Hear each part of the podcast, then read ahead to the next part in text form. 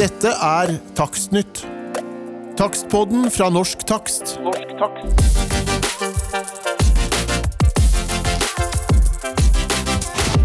Velkommen til Takstnytt. Dagens tema opptar de aller fleste takstmenn, men også de aller fleste som er borti kjøp og salg av eiendom. Dagens Takstnytt er Areal spesial. Arealmåling er og forblir en sentral del av takstmannens oppgaver, og um, i disse dager så skjer det jo potensielt store endringer som kan få stor betydning for takstmenn, men også for eiendomsmeglere, for boligkjøpere og for boligselgere. Eh, Vi skal snakke om et pågående arbeid i standardkomiteen eh, omkring NS 3940, hvor det foreslås flere og eh, store og små endringer. Og vi skal snakke litt om de foreslåtte endringene i avhendingsloven, som nå går mot vedtakelse.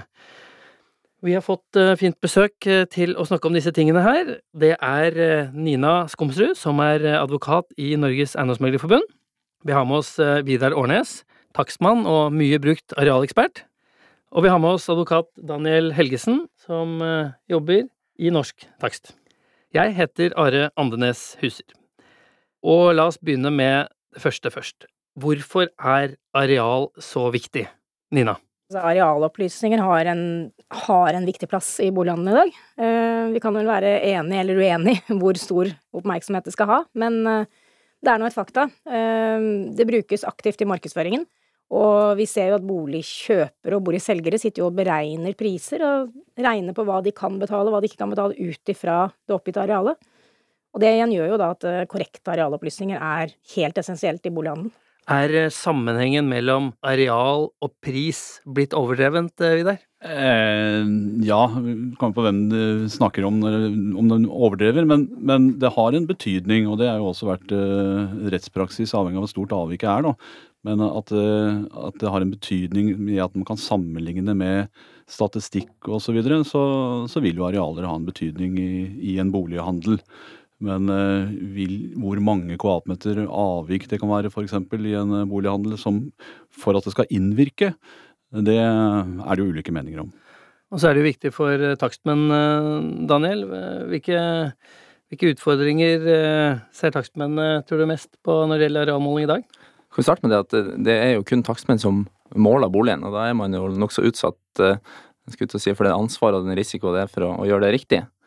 Eh, og eh, nå er det jo mange som fortsatt setter verdi, og, og eh, nå er det jo disse statistikkene gjerne basert på p-romsareal, og sånn sett viktig for, for ja, fastsetting av verdien, selv om det er flere faktorer som skal med i det bildet for at det skal bli riktig.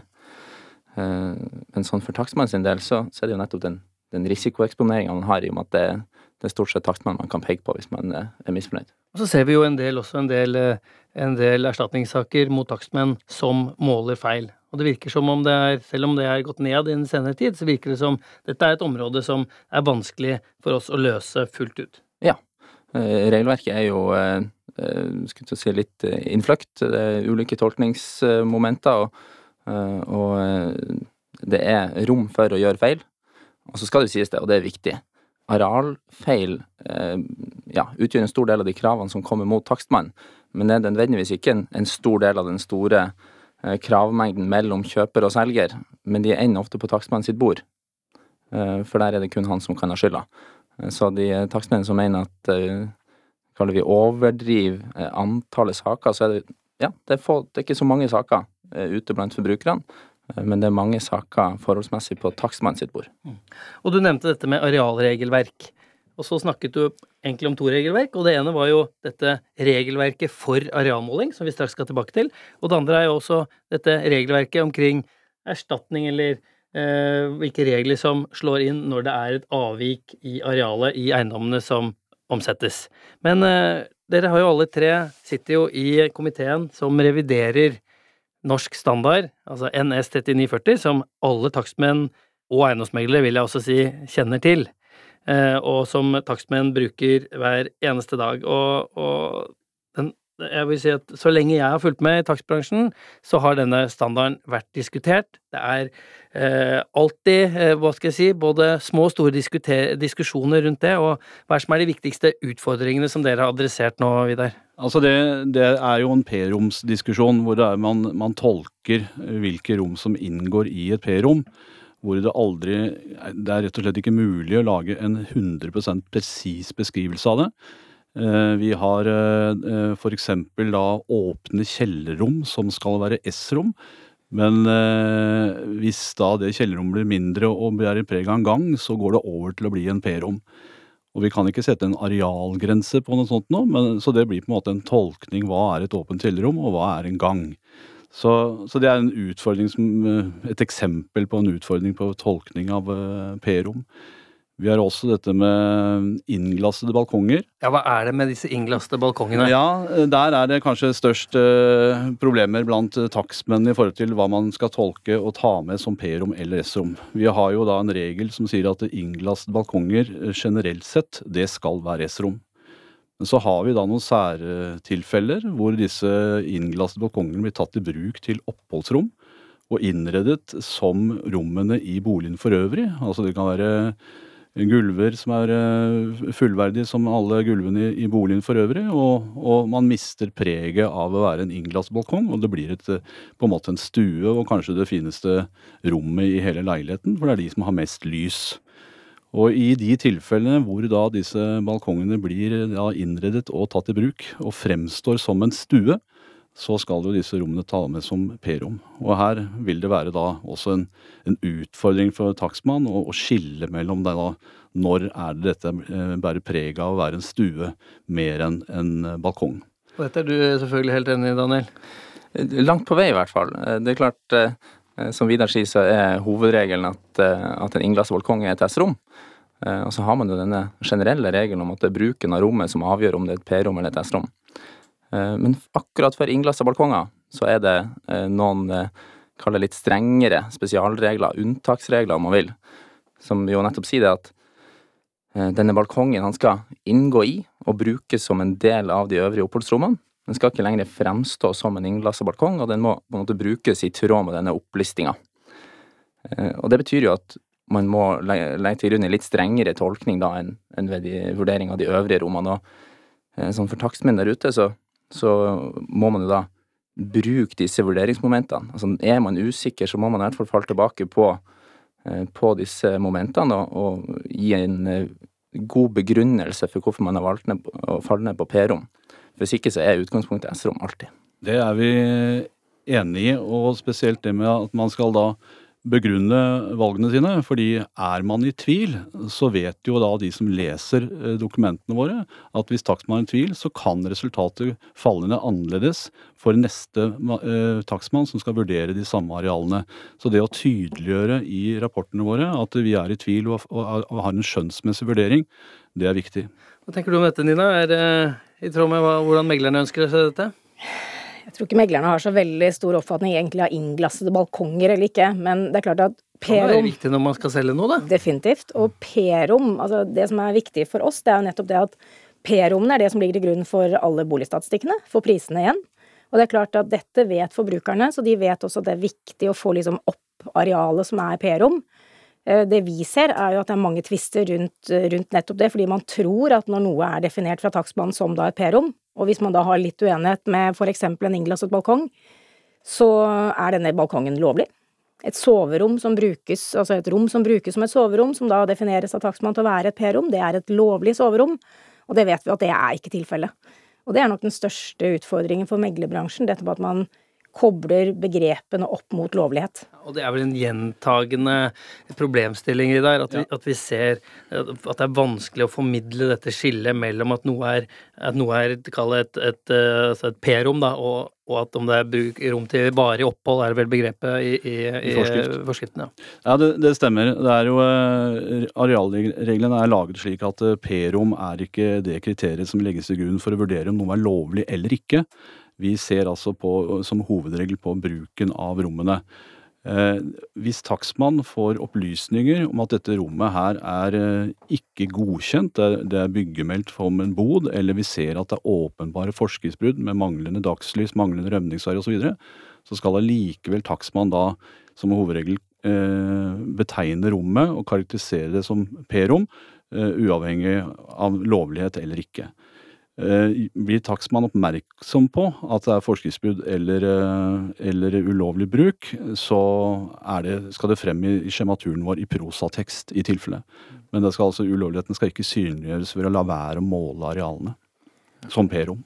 Dette er et stort problem, særlig når det gjelder typisk soverom. Altså, Den norske boligkjøperen er voldsomt opptatt av hvor mange soverom en, en eiendom har. Og det er klart, som du sier, hvis man da i taksten har satt opp at det er fire soverom, og i en prosatekst, eh, helt eller delvis beskrevet noe rundt lovligheten av rommet, så får meglerne da en utfordring når de da senere skal annonsere det, med antall soverom. Og hva skal man da si? Skal man da si to soverom, og heller si at det er to ekstra rom, eller skal man skrive fire soverom? Og det blir veldig forvirrende for forbrukerne. Eh, og de fleste er, som jeg sier, opptatt av antall soverom. Det... Ja, for Hva sier bransjenormen deres, Nina, i forhold til uh, hvordan markedsfører dere et ulovlig soverom?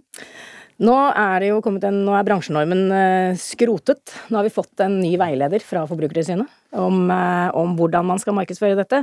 Men nettopp fordi at takstmennene legger til grunn bruken, så ble jo også bransjenormen presisert for noen år tilbake med i nøkkelinformasjonen at man skulle da omgi de rommene som brukes som soverom, som antall soverom.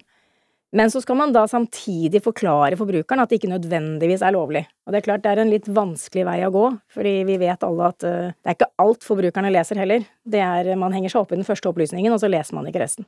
Ja, og dette er vel også, et, uh, også, en utfordring som kanskje ikke alene kan løses ved å revidere arealmålingsregelverket, men det må sterkere lut til, som vi skal komme litt tilbake til etterpå, nettopp i den diskusjonen nå om, om da mulige regler for hva en tilstandsrapport skal inneholde i, i, i fremtiden, og at det kanskje kan ligge løsninger der hvor man kan gi takstmannen oppgaver i å i å, å, å, å avklare eh, bruk av lovlighet til bruk av rom. Vi skal komme litt tilbake til det. Men vi først så tror jeg vi må ta en liten oppsummering på hvilke endringer som nå faktisk kommer i, i standarden. Jeg vet ikke om du kan oppsummere det, eh, Nina. Hva, hva, mener du er de viktigste tingene som dere har eh, diskutert nå? Jeg tror kanskje en, en, vesentlig del av det er det at vi prøver å samkjøre litt det regelverket som ligger der ute, altså NS 3940 og prøve å få bakt eh, takstbransjens retningslinjer inn i NS-en, sånn at man slipper å ha to forskjellige regelverk. Vi har jo hatt en situasjon hvor det var, om ikke direkte misforhold, i hvert fall litt sånn mismatch mellom retningslinjene og NS-en. Og det virker det som det er enighet om i komiteen, at vi skal prøve å samordne dette til ett regelverk. Betyr det at NS-en eh, da omsider blir endret i tråd med retningslinjene, da? Det ser ja. sånn ut. Vi skal bake retningslinjen inn i, i NS-en. Så det er jo en uh, pluss for fraktbransjen. Det er i hvert fall vilje i komiteen uh, og enighet om at uh, takstbransjens retningslinjer skal inn i NS 3940 og på et litt bedre presisjonsnivå i forhold til tolkninger enn det NS 3940 har hatt frem til nå. Så vi får flere illustrasjoner slik som det er i takstbransjens retningslinjer inn i NS 3940 hvis hvis eh, komitéarbeidet fullføres slik det ser ut Det, det som er viktig er å si at dette er jo absolutt ikke noe enkelt arbeid. Eh, for, for den store utfordringa eh, bak dette er jo at her har vi prosjekterende, det er arkitekter, vi har stat og kommune, vi har takstmenn og eiendomsmeglere og flere andre som benytter seg av dette arealregelverket til ulike deler av, kall det, prosessen rundt en eiendom, enten det er næring eller bolig. Og det å samkjøre da begrepsbruken og, å samkjøre behovene, det er veldig, veldig vanskelig. Og, og det er derfor dette tar lengre tid, og, og vi eh, ender opp i nye problemstillinger hvert møte som er jeg skulle si, kanskje sære og små, men som bare må adresseres for at dette skal bli bra. Jeg vil bare skyte inn eh, til at disse retningslinjene, altså takstbransjens retningslinjer, startet opp, var jo nettopp det at eh, når NS 3940 kom i 2007-utgaven, så hadde man andre kriterier til målverdighet enn vi hadde i den tidligere standarden som kom i 86. Hvor da man sa at det skulle være målverdig selv om arealene ikke var tilgjengelig. F.eks. en loft uten en loftsluke, Du kom ikke opp på loftet. Det skulle altså være målverdig. Og tilsvarende skal være målverdig arealer som ikke hadde gulv. Og Det var det som gjorde at vi lagde takstbransjens retningslinjer i sin tid. Fordi vi, vil, vi, hadde faktisk et avvik fra NS 3940 i forhold til de to målekriteriene. Så, og dette skal nå samkjøres, men det kan jo hende at det legges inn i en veileder, da, den, den eh, teksten vi har i dag, med i forhold til krav til målverdighet. For det må være lov å si at dagsbransjens retningslinjer har fått stor utbredelse og, og blir brukt av de aller fleste aktørene her. Ja, det tror jeg bransjen er enig om, og vi har et, et mye bedre eh, tolkningsgrunnlag da, i takstbransjens retningslinjer enn i NS 3940, så det har vært et positivt bidrag. Hvordan ser tidshorisonten ut eh, på revisjonen, da? Vi har vel ikke noen faste frister eh, sånn Altså, det- sett, men Det er jo da en, den skal jo da ut på høring, sånne standarder skal ut på høring, og, og det skal jo da skje eh, i hvert fall i løpet av 2019. Eh, og når en endelig utgave kan være klar, det vet ikke om vi har noe dato på, men eh, det kan kanskje være Kanskje ser vi 2020 før eh, den endelige utgaven eh, er Men det skal også sies at vi, vi har jo kommet veldig langt. Eh, Og når det gjelder, som du sier, dette med måleverdighet og gull, vi har fått bakt veldig mye fra retningslinjene inn i det forslaget som, som komiteen sitter og jobber med nå. Eh, Enn så lenge så er det ganske bred enighet i denne komiteen. Det er mange småting vi diskuterer, og det er mye vi bruker tid på, men det er veldig bred enighet om veien videre. Og det vi ikke har snakket om, er jo, som du sier, dette med P og S-rom, som vi har diskutert litt tidligere i dag. For det er også noe som komiteen jobber med helt eksplisitt, i forhold til å fjerne de betegnelsene, og heller få inn betegnelser som, som er enklere å forstå, og som ikke skaper den forvirringen som jeg nevnte i sted med hensyn til lovlighet, eksempel. At man, man måler leiligheten, eller enheten, og hva slags funksjon rommene har, skal ikke være den viktigste når det gjelder arealmåling. Eh, Funksjonen kan man se ved, altså når man er på visning. Eh, Markedsføringen i dag er blitt mye mer profesjonell. Du kan gå på en virtuell visning. Du får opplyst eh, ganske tydelig hvor mange boder, eh, hvor mange soverom, hva som er der. Det er mye viktigere å få det totale arealet enn eksakt om det er P- eller S-rom. Og det er det også. Fjerner man det litt sånn lada begrepet Ja. P-rom, primærrom, for, for det er nok litt av problemstillinga her at, at det har vokst seg til å bli noe mer enn det det egentlig er. Og også her er jo komiteen eh, enig. Altså, man ønsker P- og S-rom bort. Og så er jo da eh, si, problemstillinga å finne god nok løsning, men det er jo bruksarealet man er ute etter. Komme tilbake til det gamle, gode boligarealet, da, eller? Nei. Nei.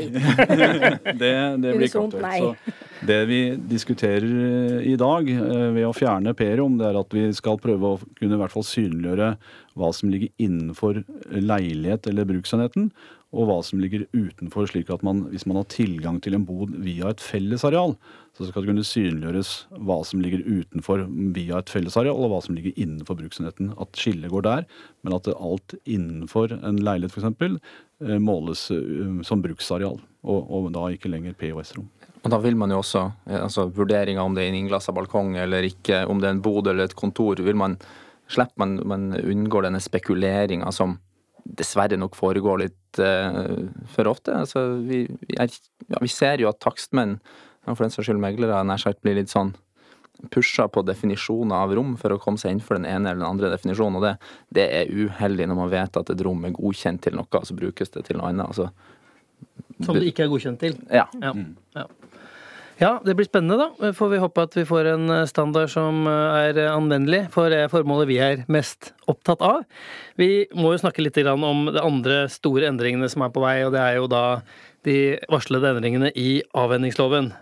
Der har vi jo snakket mye om eh, dette med at det ikke lenger skal være adgang til å selge en bolig som den er, eh, og de eh, ja, hva skal vi si, implikasjoner det har for, for både eh, selgere, kjøpere, eh, eiendomsmeglere og takstmenn. Eh, Så er det jo en ting som passer godt inn i dagens tema, og det er jo den foreslåtte bestemmelsen om en slags nulltoleranse for arealavvik. Og jeg ser på deg, Nina, jeg vet at dere har, dere har i likhet med takstbransjen der, hatt tydelige meninger om det. Ja, der er vi veldig tydelige. Det er eh, vel og bra å ha en nulltoleranse. Og det er vel og bra å stille krav til at takstmennene skal kunne måle korrekt. Men eh, vi har sagt at man må innse at slik som regelverket er, slik som bygninger er, så vil det ikke alltid være enkelt. Og det er ikke fordi at takstmenn ikke gjør jobben sin, eh, eller fordi at man ikke har måleinstrumenter som kan måle presist nok. Det er rett og slett et faktum at det er ikke alltid like lett å måle. To takstmenn kan på en helt grei måte komme til litt grann forskjellig resultat. Og det er det vi har sagt, at hvis man nå skal få en lov som skal hindre tvister, og prøve å få ned tvisteomfanget, så må vi i hvert fall ikke ta inn bestemmelser som gjør at man enkelt kan fremme krav mot hverandre, fordi man da, av reglene, enkelt kan komme til forskjellig resultat. Og der har jo Norsk Takst og Eiendomsmeglerforbundet vært helt enige, sammen med også, må vi si, de fleste aktørene som uh, har vært til stede i arbeidet, og særlig i høringsrunden som nå sist var på, på Stortinget. Og det er jo klart at vi, vi må ha en, en noe slags slingringsmål, vi må ha en slags toleransegrense. Hvor bør den ligge da, Vidar? Nei, eh, det Hva er klarer vi? Hvor bra kan det bli? vi, vi klarer å måle riktig hvis vi har eh, ressurser til det, så, men det bruker ja, veldig lang tid på målingen. Og kanskje er det helt avhengig av å legge eh, disse målingene inn i en, et DAC-program som regner ut arealene for deg. Vi har mange situasjoner hvor, hvor det er utfordringer i forhold til hvilke vinkler. Altså det er ikke 90 graders vinkler. Og det å regne ut arealene på en presis måte når du ikke har 90 graders vinkler, det kan være en utfordring.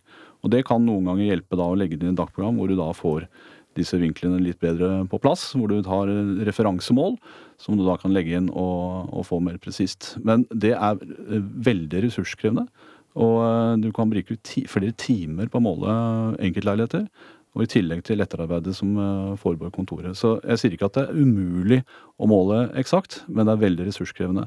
Slingringsmålene, eh, det er jo da 3-5 eh, er vel kanskje mulig å, å, komme seg innenfor. Selv om vi vil nok fortsette med arealtvister, selv om vi setter det slingringsmålet. Men, men, men et eller annet område der kan man kanskje forvente at takstmann klarer. Men det ligger vel et slags mulighetsrom eh, for alle der også, hvis det er slik at myndighetene sier til boligselgerne at, at uh, nå blir du uh, erstatningsansvarlig på veldig små avvik, og, og, kanskje også etter mer markedstilpassede erstatninger knyttet opp mot kvadratmeterprisen som man har betalt, så blir det jo regningssvarende å, å, få noen til å bruke litt tid på å måle? Det er det det blir. Så at det vil jo være da Takstmannen vil jo da måtte bruke mer tid rett og slett på befaringen og også med etterarbeid. Så det blir jo da for forbruker noe økt kostnad kan bli, hvis, hvis presisjonsnivået blir på det nivået som er foreslått her, eller tilnærmet ned mot. Når det gjelder slingringsmonnet, så har jo vi eh, hørte du si, mellom 3 og 5 um, Vi har jo lagt oss på en litt lavere linje enn det i, i Eiendomsmeglerforbundet. Vi foreslo jo da konkret at man bør sette en grense på 3% og det er som du sier, litt fordi at noe må man akseptere. Eh, men 5% syns vi høres mye ut. At man skal akseptere et arealavvik på 5 eh, på en enebolig på, på 300 kvadrat, så utgjør det ganske mye.